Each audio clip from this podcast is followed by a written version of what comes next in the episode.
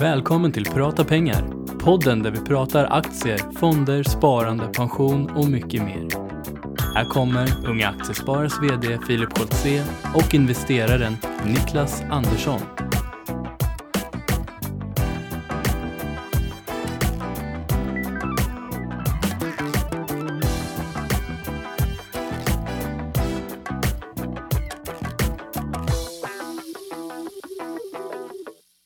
God morgon och välkommen till eh, podden Prata pengar.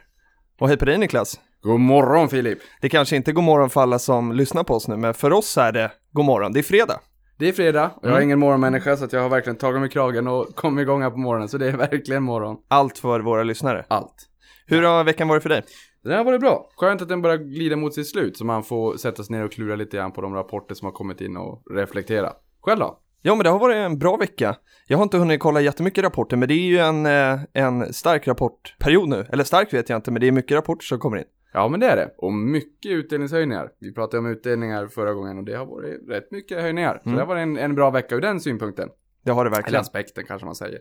Och du har eh, varit på ett event med Unga Aktiesparare den här veckan också. Ja, vi besökte Bahnhof igår. Mm. Eh, och för er som inte känner till Bahnhof så är det en internetleverantör tror jag att man med gott samvete kan säga. Eh, och de har en serverhall, datacenter på Södermalm i Stockholm som heter Pionen. Och det ligger i ett bergrum. Där det ryker så här ut från, om Ja. man går på gatan så, jag gick i skolan ganska nära den, så kom ihåg när man gick förbi så, så kom det rök därifrån. Ja, Det är för att kyla ner tror jag, Ja. servern. Ja, de sa det också att han berättade, Jon Carling som är vd där, om just det där rökmolnet och att det var väldigt kännetecknande för datacentret tidigare då. Nu gör det inte det längre. Nej, okej. Eh, och sen hade, har de även sprängt där för att förstora datacentret för att man behövde lite mer yta och då sprängde man. Mm. Och då stod det, det här är då, det är då ingen skröna för det ska tydligen även finnas en film på det här. Mhm. Men man sprängde där inne för att och, och, eh, få mer yta då helt enkelt. Och då hade man fällt ner ett skynke för entrén. Ja. Men när man sprängde så flög det ut en stenbit rakt ut genom entrén och rakt igenom rutan på en Volvo som stod på gatan. och då ska det finnas en film när det går förbi en herre och stannar upp och tittar på det här stora hålet i bilen. Och kliar sig i skallen och funderar, vad tusan hände där? Men det var ingen som satt i bilen och blev skadad då? Nej, det Nej. var det inte. Det? Nej, men det var intressant. Och han sa just det här också att när man tar upp sin telefon och kanske gör en Google-sökning så det kanske inte drar speciellt mycket ström på Mm. Nej. telefonen. Men han sa att någonstans så står det ju en server och utför den eh, förfrågan man då gör. Det. Och, och det blir värme. Mhm. Så han sa att om du gör en sökning på Google, Mm. kanske om du gör en riktigt tung sökning, sök på unga aktiesparare, den är extra tung för det finns mycket information. Då går det nästan att koka ett ägg herregud. med den värmen som alstras av den sökningen när man söker på unga aktiesparare. Men är det här värmen som man kan, som man kan liksom ta vara på då och värma upp lägenheter och... Ja, det är det. Och det visste inte jag, men Sverige är en av få länder i världen som har ett någorlunda utbyggt fjärrvärmenät. Mm. Tror inte att det där är någonting som man funderar på Nej, jag dagligdags. på det. Ställ er själv frågan, hur vet ni hur sve- svensk energi ser ut och de olika energislagen? Nej, Nej. det, det, det har Det är man ganska mycket reklam på tv om från olika energibolag, men man har Ja. väldigt dålig koll. Eller jag har det. Och där kan jag bara kasta med ett tips också om man är lite nyfiken på hur kärnkraftverk fungerar. Åk till ett kärnkraftverk för det vet jag att de tar emot besökare. Det är lite hårda restriktioner, de kollar bilen väldigt noga, man ska Mm. boka i förväg. Men jag tror det närmsta vi har är Forsmark. Det borde det vara. Från Där- Stockholm då, där vi sitter Ja, idag. Mm. från Stockholm. Och där vet jag att vi har tänkt att åka till. De tar emot besökare gratis, en grupp. Så att det kan vara lite roligt då, om, om man vill prova på. Styra ihop med Unga Aktiesparare då. Men eh, som sagt då, vi har ett utbyggt fjärrvärmenät och den värmen som alstras av server, eh, serverracketarna i, i eh, lokalen, Mm. det skickar man ut i fjärrvärmenätet och vä- värmer upp hushållen i Stockholm. All right. Och då får man betalt för det. Vilket Jaha. gör att man får lägre energipris. Man skjuter iväg värme Ja. och sen får man kyla tillbaka. Okej. Så man kyler alla datorer så att det är, Vilket kretslopp. det är ganska unikt kretslopp. Ja. Så det var häftigt. Häftigt Coolt. att se. Sen var det en stor backup-generator. Nu ska vi inte eh, förhålla oss till det här Nej. jättelänge, men Nej. det var en, en stor reservgenerator som Mm. Jon sa att den har suttit på en tysk ubåt. Jaha. Och sen var det en nörd på Bahnhof som hade hittat en gammal ubåtstuta också. Som var där ifall det blir något fel så kan man trycka på den där gamla ubåtstutan. det var lite häftigt. Vad roligt. Ja. Eh, ja men spännande event, jag kunde inte vara, vara med där igår, men det är ju väldigt många sådana här roliga företagsbesök som vi får möjlighet att, att gå på. Mm. Och om man inte kunde gå på just det här eventet så gå in på Bahnhofs hemsida under investerarrelationer. Då finns det en film ifrån den här datahallen. Jag vet Just även att en Beck-film spelades in här. Mhm. Så då kan man se hur det ser ut, för han ville gå loss och skapa någonting galet. Mm. Eh, och det är lite grann det som står där också, att de ville skapa någonting unikt där. Så att, ja men det var häftigt. In och Då titta. får man gå in och titta. Ja. Jag har eh, varit på lite spännande uppdrag den här veckan också. Jag eh, fick äran att sitta med i juryn för en, en av tävlingarna som Ung Företagsamhet anordnar. Eh, Ung Företagsamhet är ju, känner du till det? Ja, Ja. Hade Ha- du ett företag? jajamän. Hade du det? Jajamän, det hade jag. Jag hade ett företag och har även varit kontaktperson för ett UF-företag, SE-banken, där All jag right. jobbade på tidigare, Mm. fortfarande ett litet, litet tag till. Mm. Vi är ju, tror jag i alla fall, huvudsponsor. Ja, jag skulle tro att det är. Ja, och där hade jag ett UF-företag som gick väldigt långt och Mm. otroligt drivna tjejer och en av dem i alla fall har gått vidare och är entreprenör idag, så det är jättekul. Ja, det är ju superhäftigt. Men du, men du tyckte att det var eh, givande? Ja, det var jättekul. Jag, Mm. jag har också drivit UF-företag, men det är några år sedan nu, inser man. Eh, eller inser jag. Välkommen Och- till klubben. men, men det jag gjorde i veckan var i alla fall att sitta i juryn för att ta fram Stockholmsregionens bästa UF-företag. Eh, så den här veckan så var vi på Handelskammaren här i Stockholm och eh, så var det företagspresentationer. Så jag tror att det var lite drygt 60 företagspresentationer som, som jag fick eh, njuta mig igenom. Man Mm. var ganska mör efter men det var superhäftigt och kul att se alla enormt engagerade ungdomar. Eh, väldigt mycket tjejer. Tycker nog nästan att de sopar banan med killarna faktiskt. Generellt väldigt, väldigt duktiga. Och nästa steg här nu är ju mässan som är den 22-23 februari på Stockholmsmässan. Mm. Så dit vill jag verkligen uppmana alla att, gå för att träffa alla de här engagerade ungdomarna och eh, se framtidens entreprenörer, för det är det ju verkligen. Mm. Eh, och vi som Unga Aktiesparare då är ju deras framtida finansiärer då kanske. Ja, där får man ju säga att akta er killar, det verkar som att tjejerna börjar sopa banan mer. De är på stark frammarsch. Jag hade själv förmånen att gå på den här mässan för ett antal år sedan Mm. i, i banksyfte eller ur bankperspektiv. Man inser ju vad sirap man har i skallen med så många häftiga idéer som de Mm. hade. Så får jag nästan dåligt samvete. Jag känner mig nästan lite förlöjligad och lite fördummad när jag gick runt i den här mässan och tittade på alla möjliga bra affärsidéer. Det var väldigt mycket spännande. Du- Det är verkligen det. Ja. Och, och det, det är ju många av de här som, eh, som faktiskt driver driver bolag vidare, kanske inte just den idén de gjorde under sitt UF-år, men, men det är ju entreprenörer eh, ute i fingerspetsarna, många av dem, så att de hittar, hittar på någonting och driver vidare. Ja, det var väldigt innovativt. Ja, Det, är var, in, det var inte det man kunde förvänta sig att Nej. det skulle vara, utan det var verkligen idéer där man märker att de har tänkt efter. Mm. Sen kan det ju vara så också, det här är ju en mässa där, där, där man har eh, gallrat ut de som har bäst idéer får man väl säga. Men det, det, Nej, det på mässan får faktiskt alla stå. In, får alla stå Ja, där? det får faktiskt alla. Ja, då var det Eh, väldigt hög mm. kvalitet på allihop måste Men sen säga. kanske det finns en korrelation ändå, för att det är de kanske som är mest drivna som väljer att också stå på mässan kan Mm. man tänka sig. Men jag tror att det är i, i Stockholmsregionen om det är 2500 elever som ska stå där. Åh, Så under två dagar, så det är superhäftigt.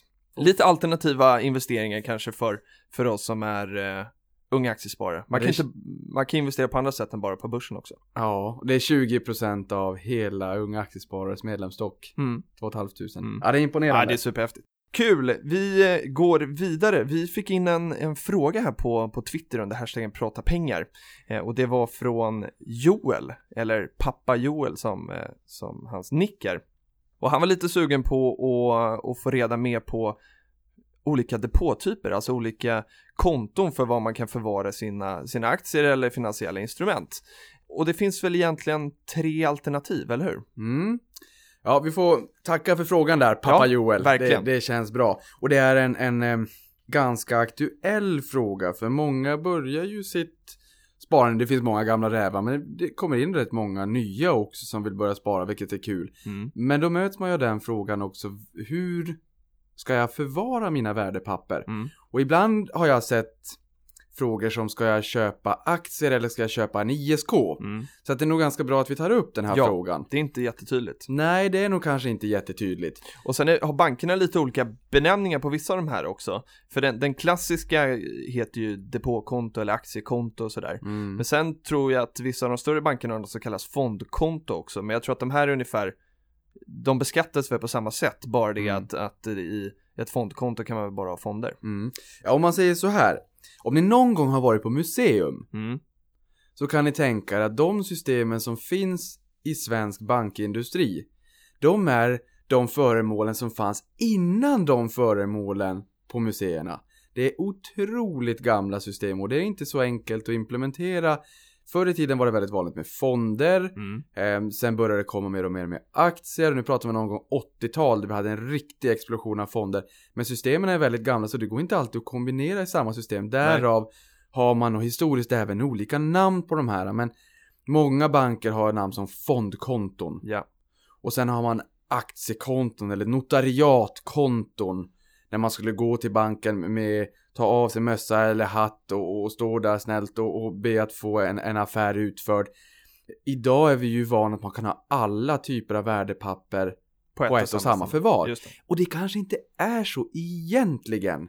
Nej. Om det är så, alltså i systemen Mm. så kan det vara så att det ligger på andra konton men det är man ju som kund totalt ointresserad av. Man har ingen aning. Ingen aning. Men- men och vi det är bara väl- onödigt att ens, ens fundera Ja. på det. Det är lättare att bara säga ett konto. Jag tror att man, man förvirrar mer än vad man gör nytta där. Men Men om det vi säger då att, nu. att, att det traditionella, vi kan ju kalla det depåkonto då, Ja. eh, och där kan man ha allt möjligt säger vi, det absolut mesta. Och där, för det som skiljer de här är ju beskattningen ofta. Mm. Eh, och, och den är ju liksom, har en traditionell beskattning där du, där du skattar 30% på, på vinsten, alltså realiserad vinst som, Ja. som du gör. Eh, och gör du förlust så får du dra av det mot vinsten och sådär. Inte helt enkelt, men du behöver deklarera det själv. Mm. Ja, och där kan man också säga att de olika typerna av konton som finns. Fondkonto Mm. för fonder. Sen har du VP-konto, värdepapperskonto. Och där var du ju då regis- direkt registrerad hos Värdepapperscentralen, numera. Euroclear. Ja, Och sen kom depån. yes. Och depån möjliggjorde att du kunde ha både fonder och aktier på samma konto. Så först fondkonto, VP-konto, sen blev det depå. Ja, Eh, och det, nej, det kanske inte är jätteenkelt. Det man kan säga är att inkomst av kapital beskattas alltid med 30%. mm. Så att när du köper och säljer en aktie med vinst så är det 30% på vinsten du beskattar. Det är samma sak på lägenhet. Ja. Men där beskattar du, har man gjort det så fint att det är 22 trettiondedelar som beskattas med 30% så att det blir 22%. Köper du onoterade aktier, lite UF-företag här, Mm. då har man bestämt sig för att det är fem sjättedelar som beskattas med 30% och en sjättedel är ju 16% så att 80% beskattas med 30% så det blir 24%. Men, men alltid 30% just på depå utanför skatteskal som Mm. vi kommer in på nu. Väldigt krångligt. Ja, väldigt Ja. krångligt. Ja, Däremot ska jag ge Skatteverket cred för sin hemsida. Den är riktigt bra. Den är väldigt, väldigt bra och både på det sättet att om, om man vill se hur den här typen av liksom, former beskattas men också eh, liksom, aktier direkt. Om man har haft aktier i många år och är osäker på hur man ska deklarera så finns det väldigt tydliga instruktioner. Mm. Men om vi går vidare på de som är lite mer moderna då Ja. eh, och det som kallas schablonbeskattat Ja. så finns det ju egentligen två alternativ Mm. som är investeringssparkontot och kapitalförsäkringen. Ja. Vad har vi för, vi kanske inte behöver gå ner i de djupaste skillnaderna här, men, men det absolut vanligaste, vad är det? Ja, vi kan försöka, jag kan även fast jag är norrlänning försöka prata väldigt snabbt så får vi, så hinner vi med det viktigaste. Jag vill bara säga att Skatteverket för något år sedan vann pris för sin hemsida så den är väldigt bra. Mm. Och det jag tycker är kaxigt med dem, nu kommer vi in på, på schablonskattade konton, man Mm. skriver på Skatteverkets hemsida att utdelningen är per definition skattefri ISK. Det tycker jag är lite kaxigt av dem. Det är lite kaxigt. Det är bra. Ja. Eh, skillnaden, ISK kapitalförsäkring. Kapitalförsäkring har funnits under väldigt många år. Den kommer från försäkringsbranschen Mm, och var nog från början ett sätt att undgå eh, förmögenhetsbeskattning. just det. ISK kom första januari 2012 men man började ju sälja den 2 januari 2012. Mm. Så den är ganska ny, eh, kommer från politiskt håll. Eh, man ville få igenom ett sånt konto för att det skulle vara enklare att spara. Och den är, man har i alla fall sagt att man vill att den ska vara kostnadsfri och det är den så vitt jag vet överallt. Det ska den vara. Det ska den Mm. vara, jo, man har sagt det. Skillnaden där är att eh, kapitalförsäkringen, innan, innan de här två kom, innan de här två konkurrerar med varandra, eh, ISK kommer från banksidan Mm. och kapitalförsäkringen från försäkringssidan. Mm. Och alla banker idag, det, det är inte en bank, det är inte ett företag. Du får inte bed- bedriva bankverksamhet med försäkringsverksamhet. Så du har ett bankaktiebolag och ett försäkringsaktiebolag och ett någonting annat och sen så är det en stor koncern. Mm. Så att ISK, bank, kapitalförsäkring, försäkringsbolaget. Och stora skillnaden där kan man väl säga då att båda beskattas någorlunda likvärdigt. Mm. Men kapitalförsäkringen, då beskattade man tidigare 27% av föregående års genomsnittliga statslåneränta. Nu är vi way back. Det var så det var tidigare. Sen ändrade man det där till 30% när ISK kom. Mm. Och sen vart det inte den genomsnittliga statslåneräntan utan statslåneräntan per sista november Yes. varje år. Förra året så vart den 0,65. Just det. Så det man säger, man tittar på statslåneräntan sista november varje år, googlar på statslåneräntan eller SLR, Sigurd, Love, Rickard, så ser man nivån där. Ja. Och den ligger till grund för försäkringen och mycket, mycket annat då. Där man multiplicerar helt enkelt värdet på sitt konto, oavsett om det är aktier eller fonder eller likvida medel, värdet på depån, eller kapitalförsäkringen Mm. eller ISK, Mm. värdet på kontot, Mm. multiplicerar man med den här statslåneräntan. Det blir din intäkt. Ja. Man kan säga att det blir intäkten av pengamaskinen. Mm. Statslåneräntan sista november förra året var 0,65. Vilket innebär att på en miljon säger vi, nu säger jag det bara för att det blir eh, Enkelt att räkna. enkelt att räkna. På en miljon så har man då tjänat 6500 kronor och på det betalar man 30%. På samma sätt som att man betalar skatt på sin inkomst av tjänst. Just det. Så att en miljon 065 i statslåneränta, du betalar 6 500 och sen är det 30% på det. Men nu hade vi ju ett löfte från politiskt håll att man inte skulle röra beskattningen av ISK när man gick till val. Men det gjorde man. Det gjorde man. Det har blivit dyrare att spara. Om jag säger så här. Om politikernas agerande hade applicerats i näringslivets domäner, Mm. då hade man åkt ut med huvudet före. Då hade man inte varit välkommen tillbaka varken i, i ledning eller styrelse. Det är lite Men det, gäller, det verkar inte riktigt gälla i Nej. den politiska arenan. Så det där valde man att ändra på. Mm. Så nu har man gjort så att utöver 0,65 som det landade på idag, för räntan har gått ner väldigt mycket, statslåneräntan, och det kanske man inte räknade med när man tog fram det här kontot. Så då har man lagt till 0,75 procentenheter. Mm. Så nu förra året vart det 0,65. Sen får du lägga till 0,75 på det, en straffavgift, ett löfte som bröts. Vilket gör att det blir 1,4 procent. Och man har även sagt att golvet ska vara 1,25. Just det. Så på en miljon så har du haft en intäkt på 1,4. Det vill säga 14 000 kronor. Och av 14 000 kronor betalar du 30% skatt, det vill säga 4 200. Ja. Så att det är så det funkar. Det är så det, Det är så det funkar på de båda. Mm. Men stora skillnaden är att på kapitalförsäkringen, då mätte man, tidigare så mätte man bara värdet andra januari, så folk sålde av sina tillgångar, Och lyfte in det allting- ly- tog bort dem, Ingen skatt. lyfte in det genom den tredje januari, ingen skatt, eller andra januari kanske var ingen skatt.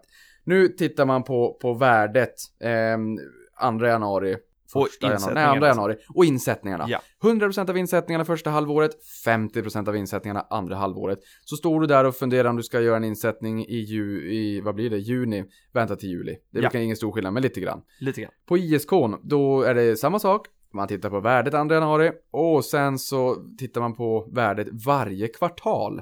Och sen dras det ett snitt på fyra där. Så Och det är värdet och insättningarna. Värde, ja, det är värdet och insättningarna. Ja. Precis. Och det är ju där, insättningarna kommer ju med när du stämmer av värdet varje kvartal också. Precis. Därför vill man kanske inte sätta in och ta ut pengar hela tiden på den här typen av konton. Nej, precis. Det brukar jag Utan väl långsiktigheten. Ja, Ja. sätter man in pengarna så sätt inte in och ta ut, in och ut, in och ut. För att Nej. du adderar skatteunderlag och det ser jätteflashigt ut på deklarationen. Om du får ett jättehögt skatteunderlag. Du kan visa kompisen att du är mångmiljardär men tyvärr är det bara skatt. Det blir inte så bra. Nej. Nej. Men, men, men en sista grej. Ja.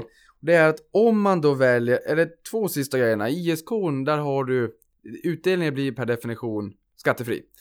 Eh, och sen om det är så att du vill köpa utländska innehav. Mm. Säg att du vill köpa amerikanska aktier. Eh, handeln av amerikanska aktier exploderade upp 50% på i alla fall Avanza Nordnet förra året. Mm. Där är det ju utländsk källskatt. Precis. Så att på kapitalförsäkringen som ägs av försäkringsbolaget, man har bara en fordran på aktierna. Mm. Det innebär att du står inte som ägare heller och det kan vara lite svårt att komma in på bolagsstämmor om du vill. Eh, Ofta får man göra det kanske i alla fall. De brukar väl släppa in de brukar kunna lösa det på något sätt Ja. eller att man är gäst eller Men någonting du står sånt. inte som ägare på aktierna och har ingen rösträtt. Nej. Nej. Så om du ser ett bolag med mycket småsparare, det står Avanza pension, då kan du, eller, eller Nordnet pension, då kan du tänka att då är det kapitalförsäkringen där ackumulerat tillsammans som, som står som innehavare. Precis. Eh, men men eh, bra att ha kapitalförsäkringen om det är ett amerikanskt papper, för de hjälper dig att jämka skatten. Exakt. det Få måste- tillbaka den här... äh, Eh, 15%, 30% skatt, 15% får du tillbaka, Just. alltså halva. Det måste du göra själv på en ISK Ja. och det är maximalt 500 kronor. Och på kapitalförsäkringen gör de det åt dig och det är ingen gräns, men det tar något år. Så är det. Ja, det kan ta två år också tror jag. Ja, ja det, kan ta några år ja. Jo. Men vi kan väl säga så här, för att sammanfatta lite grann, så eh, för det långsiktiga sparandet, det finns ju en liten tumregel om att om den förväntade avkastningen är över statslåneräntan plus det här tillägget som, nu, som de politikerna har lagt på, eh, som nu är då 1,4 procent. Eh, har man en förväntad avkastning över det så är det skattemässigt bättre att ha sin, eh, sina tillgångar där. Och sen skillnaden då snabbt mellan ISK och kapitalförsäkring. Lite beroende på om man tycker det är viktigt att kunna gå på stämmer och om man vill på ett enkelt sätt kunna få tillbaka den här utländska kupongskatten. Ja. Sen, sen är det, jag ska otroligt snabbt säga att det är en liten skillnad till. Mm. Eh, och den ena skillnaden som jag tänkte på nu, den glömde jag lika fort som jag kom på den. Men en kapitalförsäkring kan man också alternera lite grann när det kommer till den juridiska biten. En ISK, då är det alltid allmän arvsordning om det så att det värsta skulle hända om man skulle gå bort. Make, maka, sambo och barn. Barn, Mm. ja. Men en kapitalförsäkring, där går det att ha ett fritt förmånstagarförordnande. Så jag kan sätta dig som min förmånstagare. Ja. Så att om jag går bort så är min familj screwed. Ja, då Ja. får jag pengarna, men lova att inte ha några aktier i Fingerprint, för då kommer jag gå emot din vilja. Du vänder dig i graven, för då byter jag dem till något riktigt tråkigt istället. Men, men så är det. Eh, Så är det. Så är det, så att det, det, även den juridiska biten ska inte förglömmas. Nej, men och vi kan säga så här också att det finns väldigt många bra liksom, sammanställningar på vad skillnaden mellan de här kontona är på nätet. Eh, många bloggare och banker är också duktiga på att beskriva den här Skatteverket med.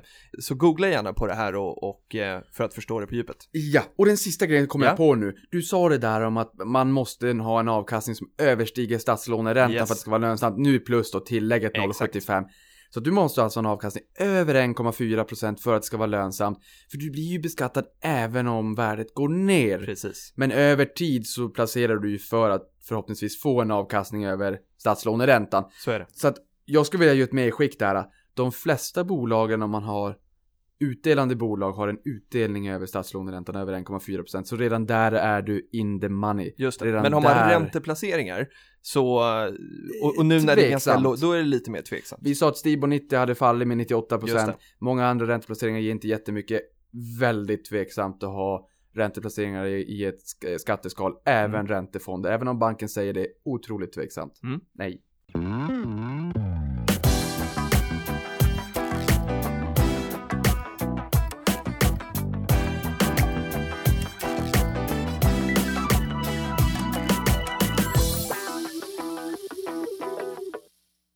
Då går vi vidare. Nästa, nästa punkt som ska vara dagens huvudämne. Vi fick en, en annan fråga från Håkan som var nyfiken på nyckeltalen. Han ville att vi skulle prata mer nyckeltal i Prata pengar. Jag tror att vi har fått en tidigare fråga om det här också. Och du fick ju en uppgift Niklas att eh, sammanställa lite grann hur du jobbar med nyckeltal när du ska screena fram eller som, som vi sa tidigare filtrera vilka bolag som är intressanta att investera i. Mm. Har du gjort uppgiften? Ja, jag var Ja. uppe till två i natt och sen så sitter vi här halv åtta på morgonen. Men det har jag gjort och uppenbarligen så är jag mer pigg än vad jag trodde att jag skulle vara men att prata pengar och prata aktier det gör mig så glad. Så att jag är jättepigg. Men, Eh. men lite snabbt då bara för att, eh, om, om, om man inte har hängt med på de tidigare av, eh, avsnitten, Japp. så finns det ju sådana här verktyg då på nätet där man kan eh, stockscreener eller vad man nu kan söka på, eh, där man kan fylla i lite olika nyckeltal som alltså är fundamentala värden som de här aktierna har och så säger man att jag kanske vill ha en vinsttillväxt på det här eller ett P tal eller direktavkastning och så får man ut en lista på de här bolagen uppfyller de kriterierna. Ja. Och det är det här vi är nyfikna på nu. Vilka tittar du efter Ja. eh, och på vilket sätt gör du det?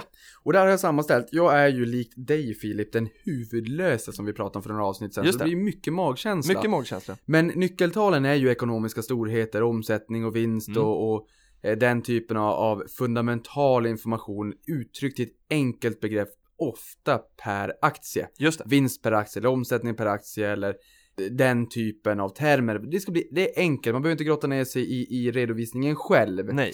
Och det finns, eller ja, jag kanske ska nämna också för att hitta de här screenersna så kan man absolut som du säger googla på stockscreener. Mm. Kul att man säger googla, det är ett ord som har fått ett verb av tjänsten. Wall Street Journal, Reuters, eh, Financial Times, 4traders, en 4-traders.com. Bra sidor för att hitta de här uh, screenersna, Mm. även hitta kursvinnare som Just är, det, är aktiespararna. aktiespararnas verktyg. Mm.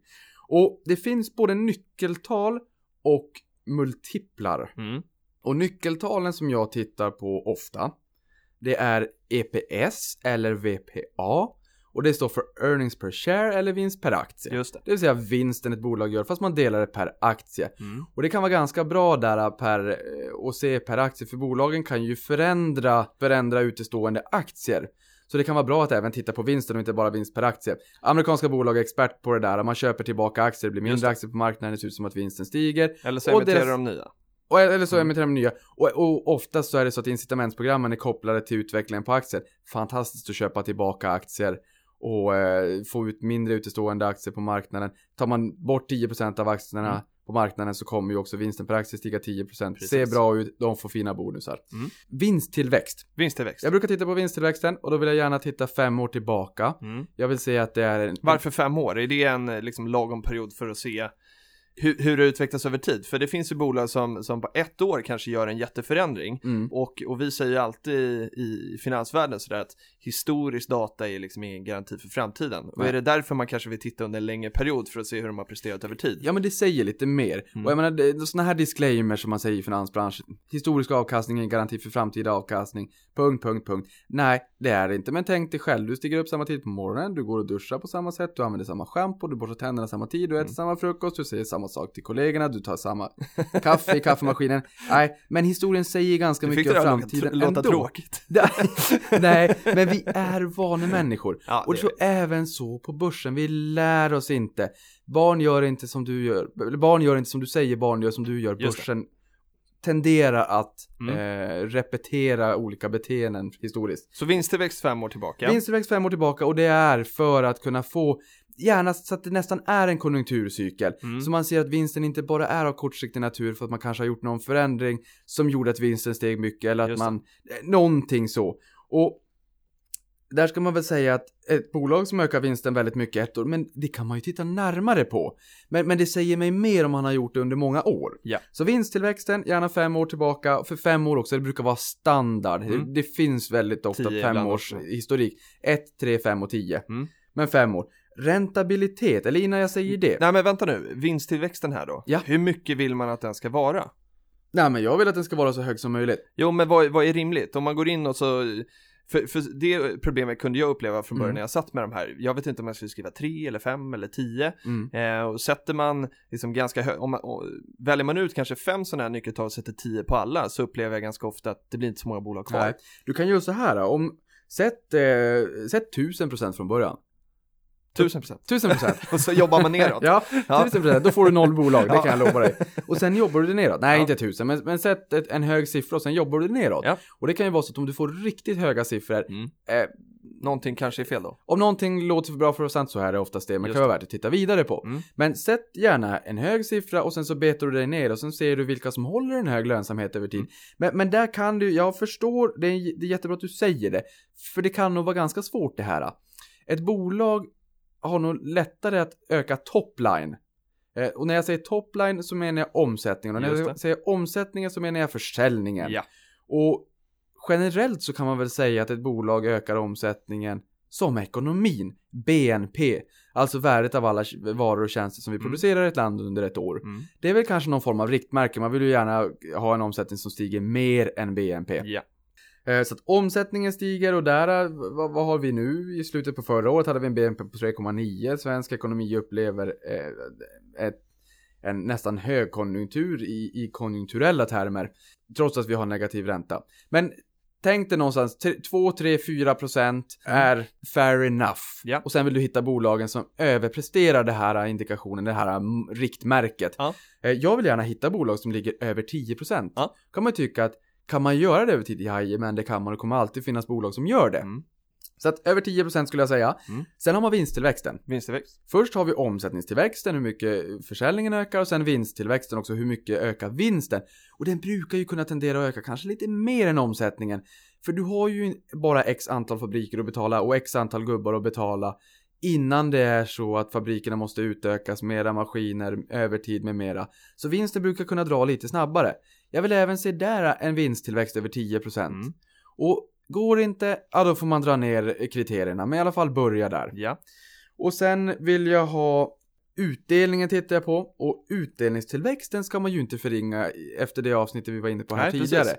Och avsnittet, det gick ju så fort att vi hann ju inte säga alldeles Titta på blogginlägget. Ja, vi skickade ju en länk, det är ju till din blogg, ja, Ekonomikunskap. ja, blogg.ekonomikunskap.com och Mm. varför jag säger det är för att jag verkligen vill att man går in och läser det här för att det vart ändå ganska bra Det om var än, ett väldigt bra inlägg. om än ostrukturerat men ni lär ju känna mig vid det här tag- laget. Jag är ganska Jag tyckte det var en ganska ostrukturerad. bra struktur faktiskt. Ja.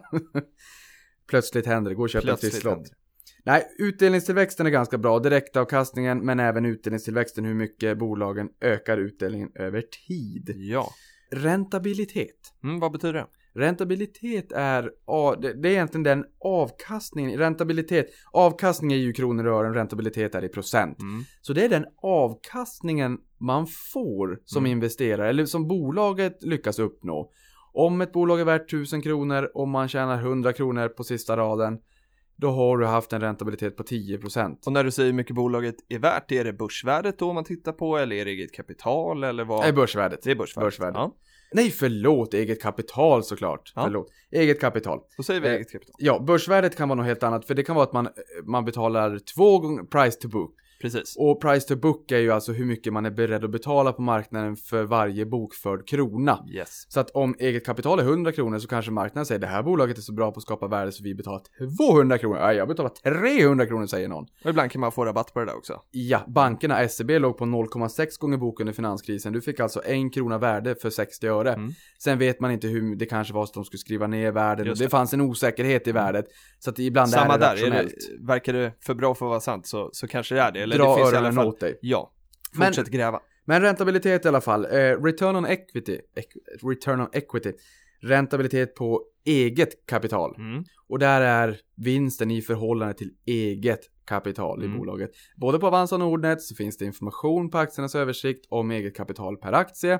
Eller så tar man bara aktiekursen delat på price to book-värdet som också finns på de här eh, översiktssidorna.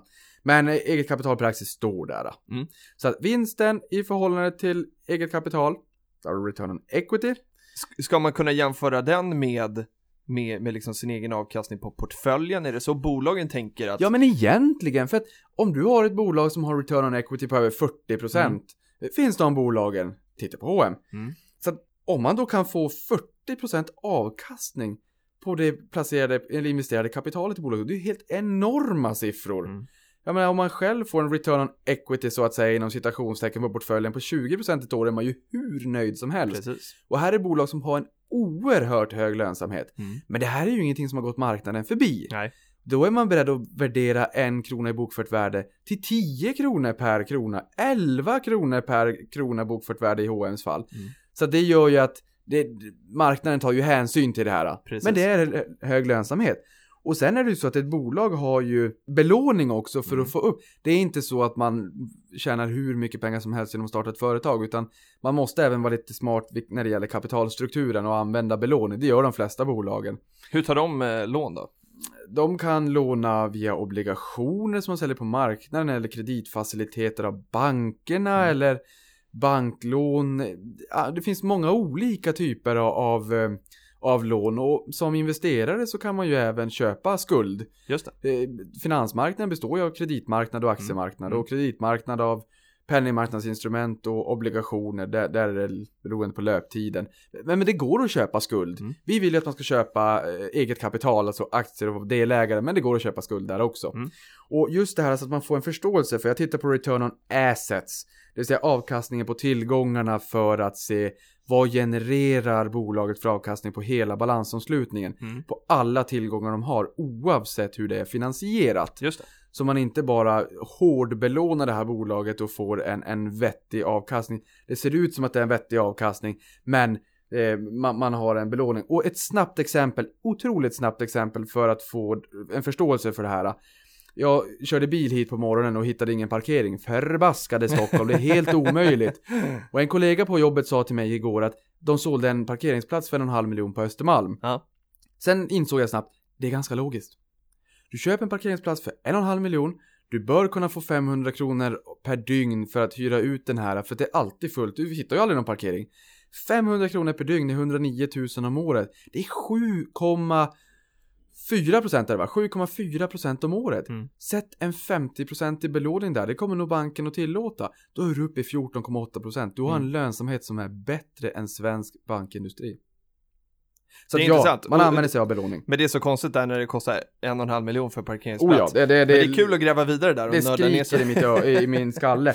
Men även det, för, för nu måste vi snart äh, wrap upp här. Så jag, äh, Patrik, vår klippa på klippa äh, som fyllde 30 igår. Ja, stort grattis Patrik. Stort grattis Patrik! Ja. Eh, han säger att vi måste wrappa upp det. Jag har nästan mardrömmar om det här wrappa upp. För att jag ser den ganska Den ofta. kommer så snabbt den här Ja, skylten. den kommer så Ja. snabbt. Men, men eh, nyckeltalen då, marginaler. Mm. Bruttomarginal, en otroligt viktig siffra för bland annat H&M. Man tittar mycket på bruttomarginalen.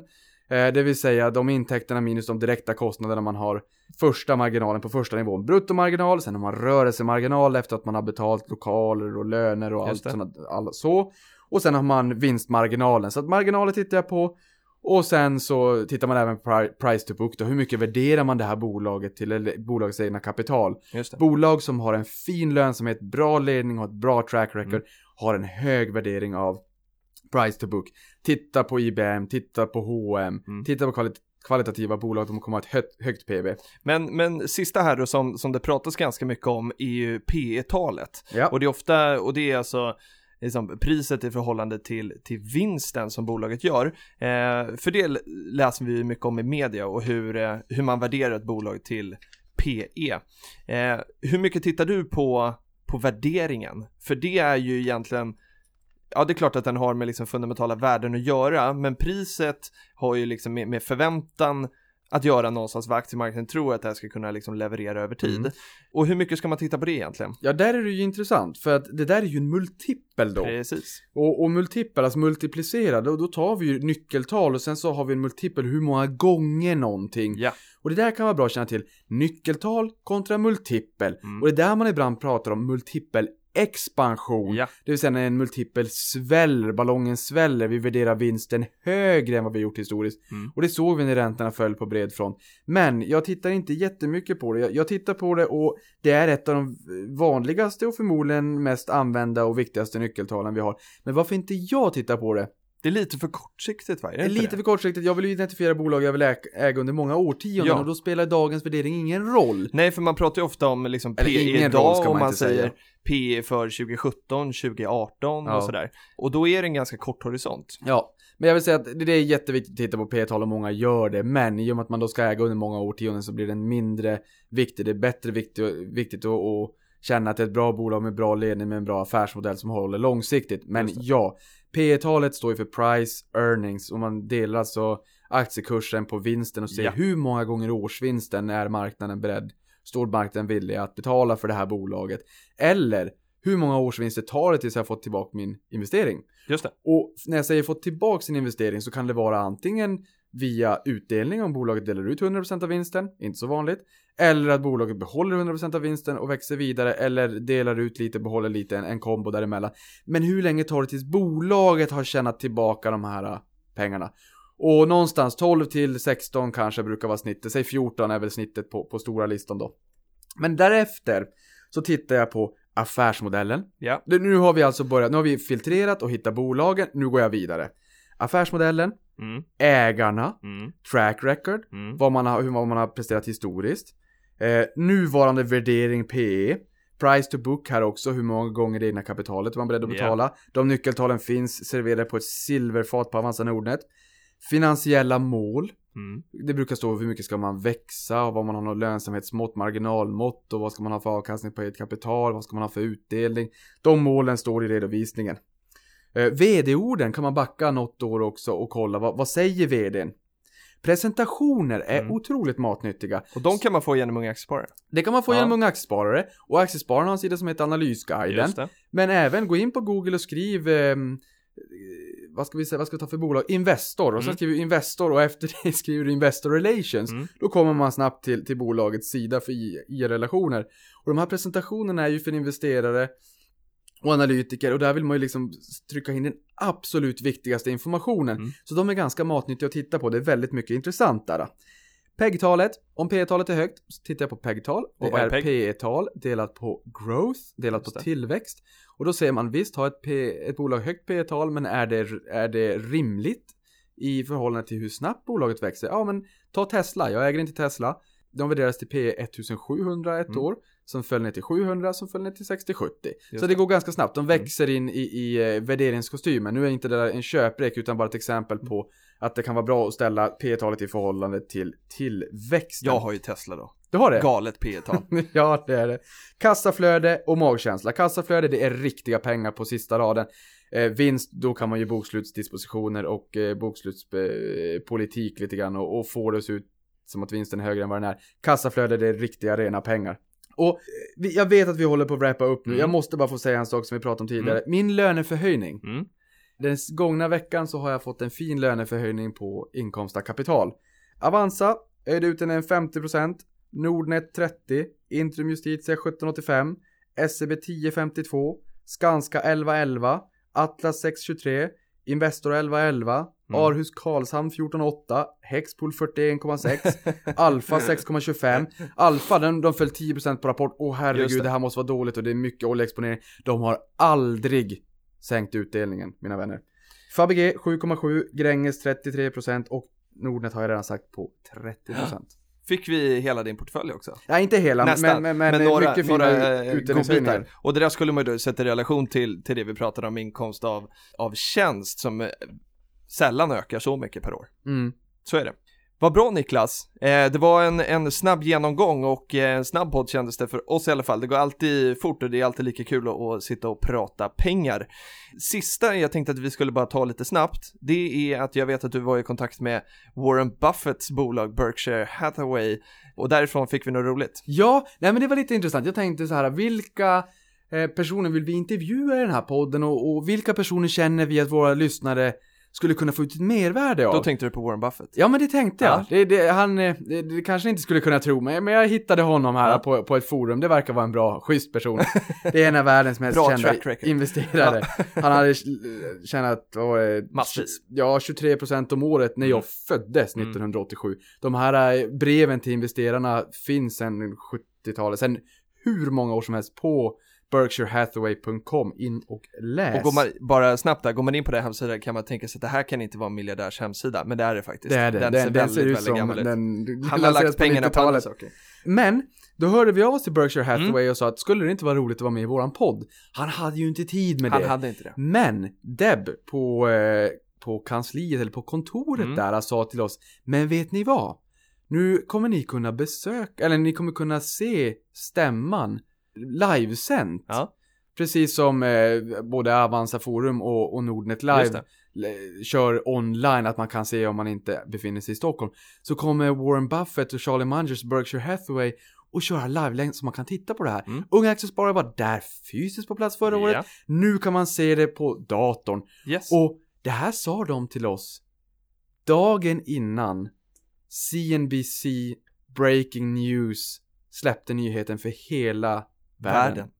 Häftigt va? Det var väldigt häftigt när jag såg den här breaking news. Det kokade i medierna, i amerikansk press och nu kommer alla kunna se det här. Även de som inte är i Omaha, Nebraska.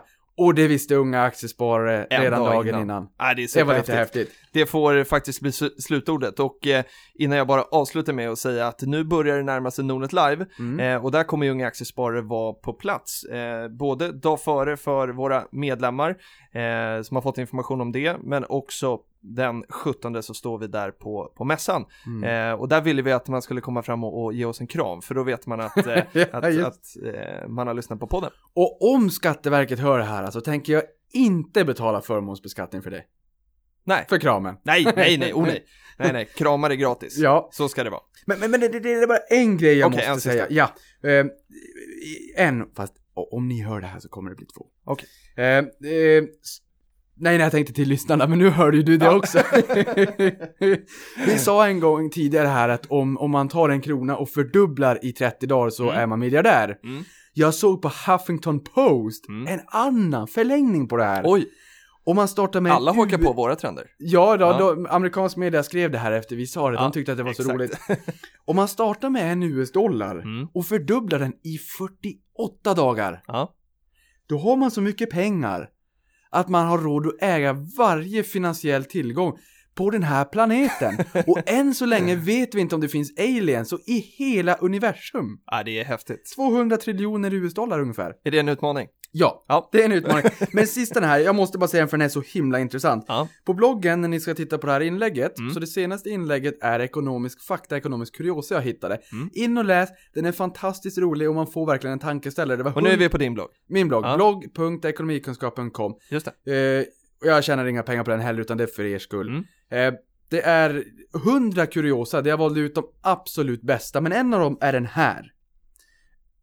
Eh, 2000 också, men jag är snabb eh, Utdelning inkluderat. Om man inkluderade utdelningen i S&P 500 så steg det indexet eh, 135% under perioden mars 2009 till januari 2013. Och det här, det är en period som investerarna kommer ihåg som the Great Recession. Just det. Det var en ganska tråkig period. Finanskris blev realekonomisk kris som blev en statsfinansiell kris. Mm. Men om vi tittar tillbaka på 96, Mm. 96 till 2000 Det och var när det en, drog eh, iväg till IT-bubbla. Det var en fantastisk period. Och det var samma Det avkastning. var samma. Men den kommer man ihåg som the greatest bull market Exakt. in history. Väldigt tänkvärt. Mm. Och den Var källkritisk alltså. Ja, det Mm. den absolut sista där. Det är Huffington Post skrev också om eh, tusen internationella investerare för det stora kapitalet. Man frågade dem, kommer ni ihåg hur börsen gick 2009 och 2010? Mm. frågade man. De flesta trodde att det var ganska kraftiga minustal. Nu vill inte jag sätta dig på pottan. Nej. Kommer du ihåg hur börsen gick 2009-2010? Nej, inte på, nej. Det är så. Marknaden är väldigt Man är kortsiktig. kortsiktig. Jag Jag, kommer kommer ju in- knappt ihåg hur det gick igår. Jag kommer knappt ihåg när man satt och bet på naglarna och det, den söndagen den 25 juni så var det vara eller icke vara för Grekland och man visste inte om finanskrisen skulle, eller finansbranschen skulle krascha och Nej. världen skulle gå under. Och nu kommer vi inte ens ihåg när det var. Nej. Finanskrisen, 20, 13 juli 2007 Mm. till 27-28 november 2008 föll börsen 56%. Mm. Börsen steg 40% 09. Börsen steg 20% 2010. De tusen mest och bäst viktigaste investerarna globalt i en stor undersökning hade noll koll. Det säger Var något. källkritisk. Verkligen. Och var långsiktig och lyssna inte på alla superbäsare där ute. Var långsiktig. Det blir dagens ord. Tack så mycket Niklas och trevlig helg både till dig och till Patrik. Tack detsamma. Ha det gott nu. Ha det gott Hej. nu. Hej.